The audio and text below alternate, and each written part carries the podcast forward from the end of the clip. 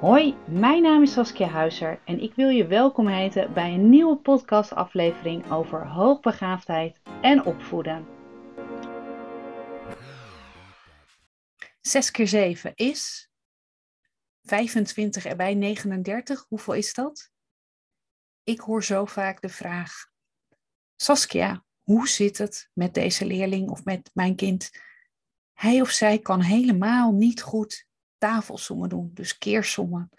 Of heeft moeite met erbij of eraf zoomen. Hoe kan dit toch? Mijn kind is toch slim? Of deze leerling is toch slim? Hoe kan het dan dat het hem of haar niet lukt?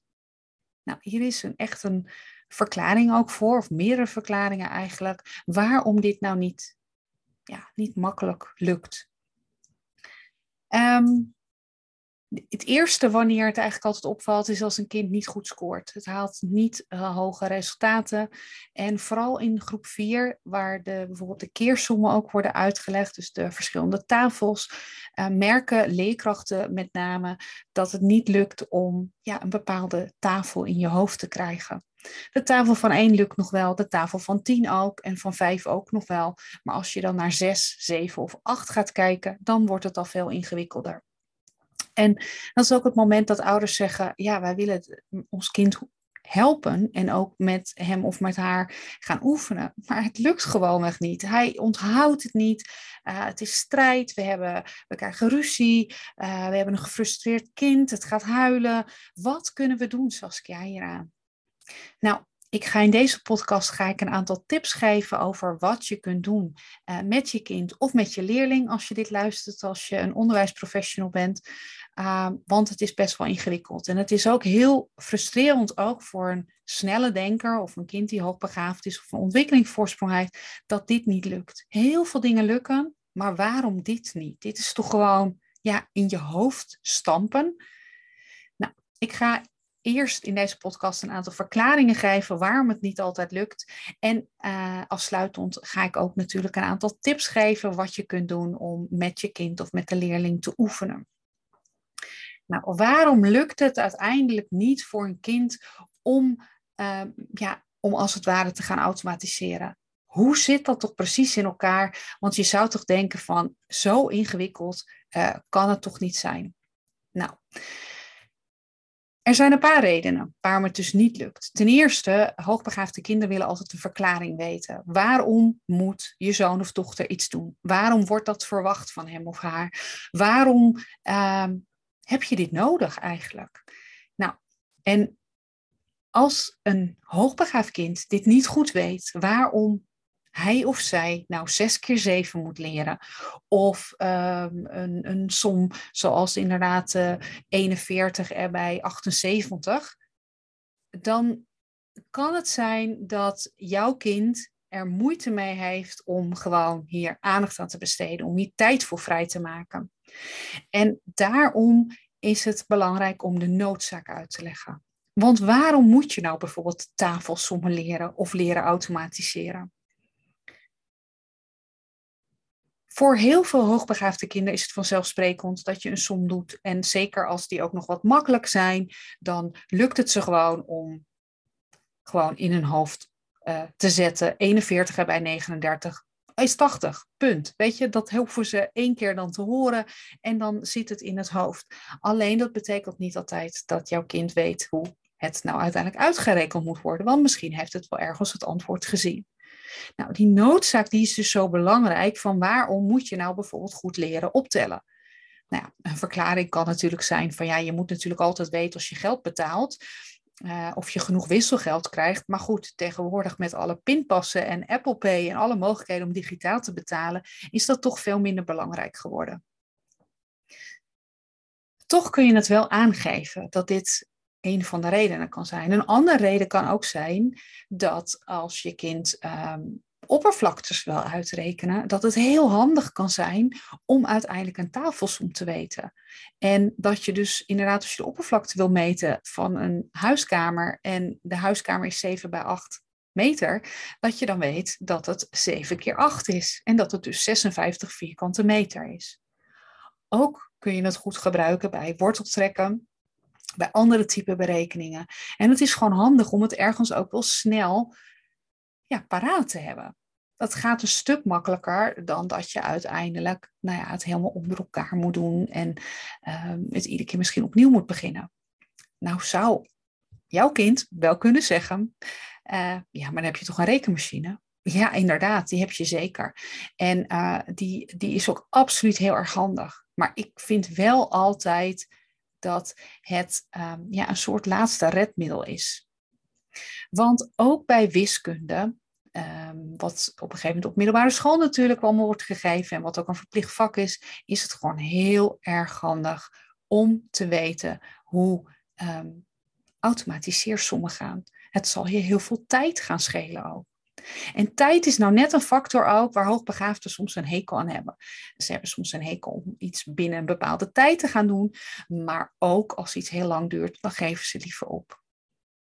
Dus met dat idee ook, om het snel, iets snel te weten, uh, ja, kan het best wel heel handig zijn om ook wat sneller het antwoord te vinden. Ik speel zelf heel graag het spelletje Yatzee. En dat doe ik eigenlijk altijd met een heel blaadje. Daar heb ik een hele ja, bepaalde, ik wil niet zeggen methodiek voor, maar ik gebruik altijd een heel blaadje. En ik heb daar allemaal hele leuke ideeën voor wat ik in welke rij moet zetten en op welke volgorde. En ik ga dat denk ik ook even delen ook um, in, uh, op Instagram ook als uh, tip, want het is echt heel erg leuk. Maar daarom zul je wel heel goed moeten automatiseren. En ik zeg heel eerlijk, het was niet mijn uh, allersterkste punt en ook niet qua wiskunde uh, of qua rekenen om snel uh, uiteindelijk dit soort sommen te kunnen maken. Maar door dat spel Yatzee, wat ik dus een eigen manier heb gevonden om het voor mij ook uitdagend te maken, heb ik eigenlijk heel goed leren automatiseren. En ik kan heel snel, en dat durf ik echt voor mezelf te zeggen ook, heel snel kan ik uiteindelijk al die rijtjes bij elkaar optellen. Dus het kan ook gewoon voor een spelletje gewoon heel handig zijn. Um, daarnaast, waarom het ook niet altijd lukt, dus de ene kant is dus als een kind de noodzaak niet uh, ziet van ja, waarom moet het nou, is ook uiteindelijk het onthouden. Als je slim bent, dan ben je gewend dat eigenlijk altijd alles lukt. En dat, um, althans tot een bepaalde leeftijd is dat, dat is vaak met wat jongere leeftijd, dat eigenlijk alles wel lukt en dat je wel snel de antwoorden krijgt. Alleen bij, opeens bij het leren van tafels of hoofdrekenen, merk je dat je je toch echt wel ja, wat meer moet gaan inzetten. En dat is frustrerend. En dat maakt dat je er geen zin in hebt. En dat je niet wil doorzetten, bijvoorbeeld ook. En dan komt het leren leren, komt dan eigenlijk voor het eerst echt om de hoek kijken. Hoe ga je nou iets leren? Hoe ga je uiteindelijk leerstof tot je nemen, zodat je denkt, nou, volgens mij beheers ik dat wel. En dit is ook een van de eerste momenten dus ook dat je je kind ook kunt helpen van hoe kunnen we hier nou mee omgaan? Hoe kunnen we met deze frustratie ook omgaan? Nou, en daar heb ik een aantal tips voor van hoe je dat bijvoorbeeld kunt doen. Nou, wat belangrijk is om te weten, is um, dat uh, uiteindelijk je hersenen daar slijten natuurlijk. Dat je, zit je werkgeheugen en je lange termijn geheugen ook.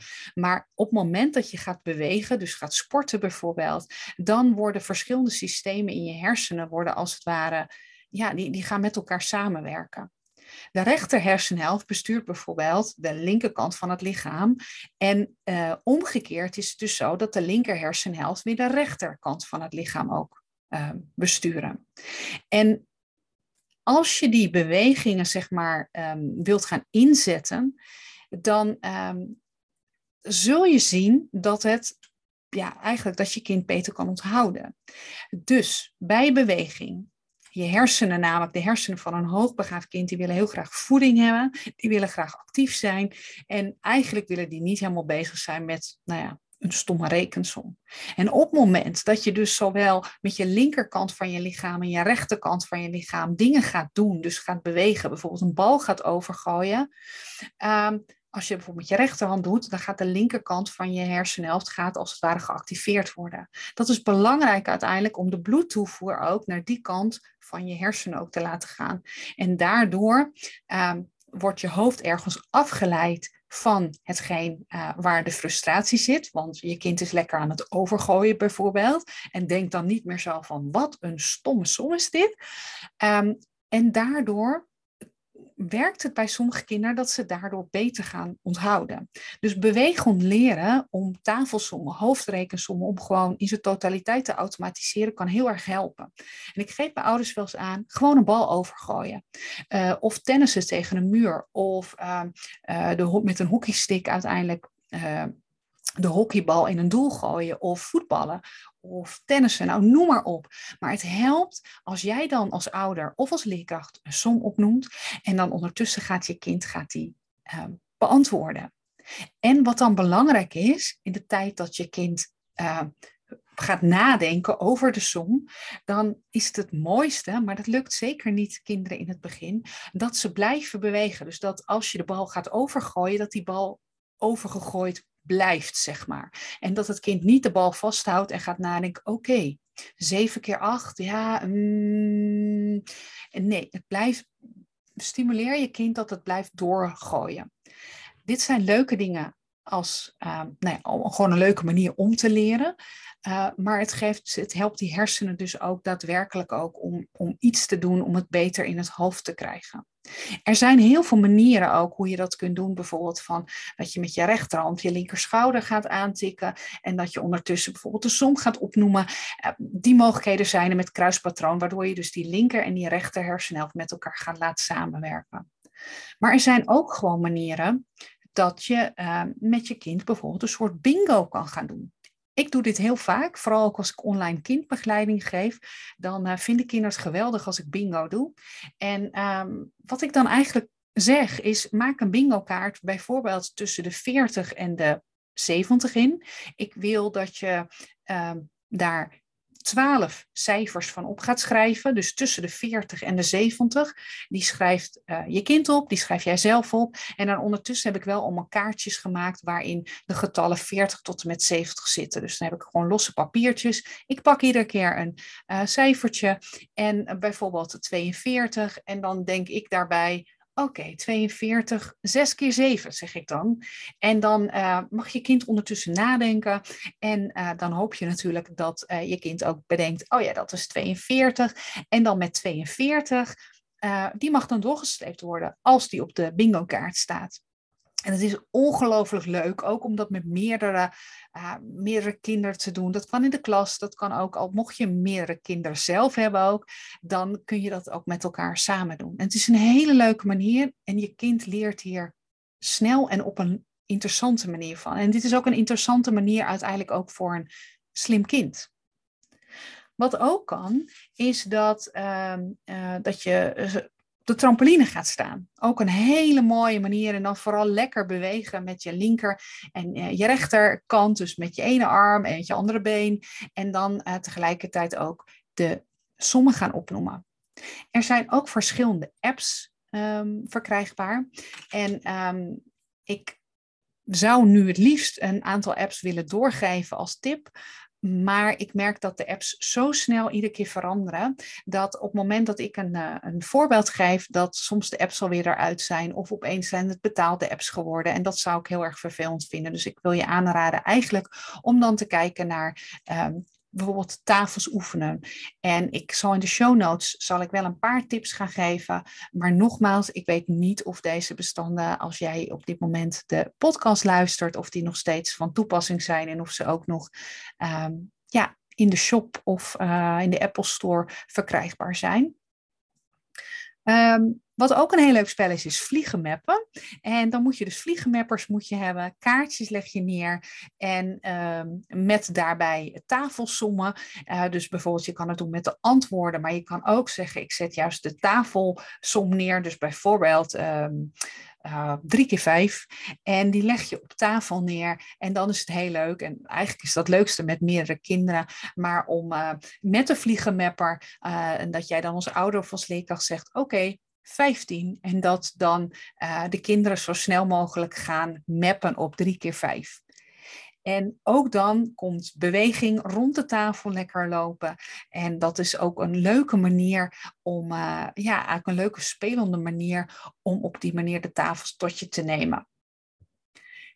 Ik heb het nu iedere keer over automatiseersommen gehad, dus over tafels, hoofdrekensommen. Maar eigenlijk um, kan dit ook van toepassing zijn op bijvoorbeeld topo leren. Topo is namelijk ook ja, stampen van, van um, gegevens, van informatie. En ook bij uh, het leren van topo, topografie, um, is het zo dat het voor je kind heel fijn is om dat op verschillende manieren te leren. Ze zeggen, uh, en dat is ook uiteindelijk wetenschappelijk onderbouwd, dat iedere persoon iets zeven keer moet hebben gehoord of gezien voordat het pas geautomatiseerd kan worden. Dus uh, en dan bedoel ik niet zeven keer dezelfde som, maar meer zeven keer dezelfde som um, horen alleen in een andere context. Dus inderdaad, een keer bingo gedaan te hebben, een keer uh, hebben opgenoemd, een keer hebben um, berekend, een keer hebben uh, bewogen, als het ware, om, om dan de som te maken. Uh, maar dat is ook met topo zo. Als jouw kind bijvoorbeeld moet leren dat waar bijvoorbeeld een bepaalde plaats ligt. Nou ja, ik gaf net al een voorbeeld. Het kan natuurlijk zijn dat je wilt weten waar Maastricht ligt.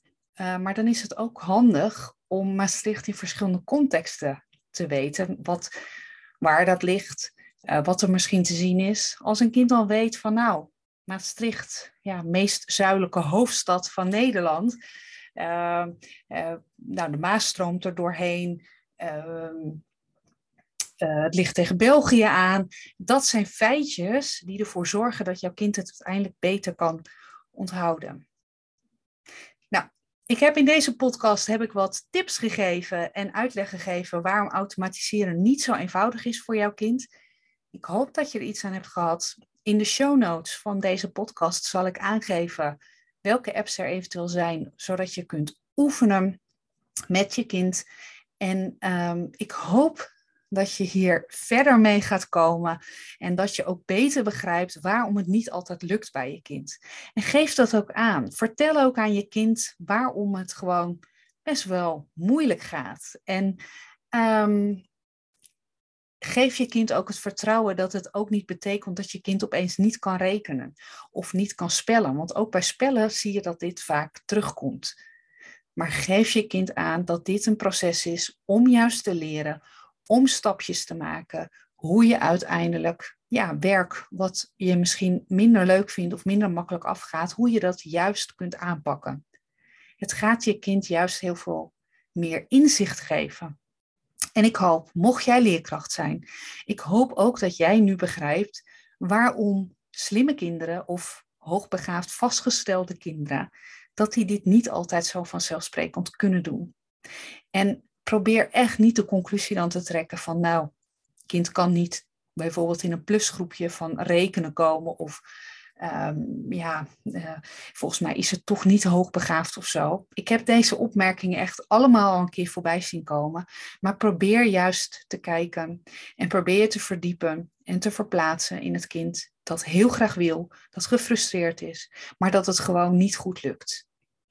En als laatste, en misschien had ik daar wel mee moeten beginnen, maar volgens de laatste inzichten is het zelfs zo dat uh, hoogbegaafde kinderen pas beter kunnen automatiseren tegen de leeftijd van 12 jaar, omdat dan de hersenen ja, op een bepaalde manier ook uh, bepaalde gedeeltes ook zeg maar meer volgroeid zijn. Of dat het beter ja, klopt zeg maar voor deze kinderen. Als het daarvoor lukt, helemaal prima. Maar heb geduld met deze mooie, talentvolle kinderen. Want talent hebben ze en geef ze dat ook mee. Dankjewel voor het luisteren. Ik hoop je graag bij een nieuwe podcast weer te zien. Doeg!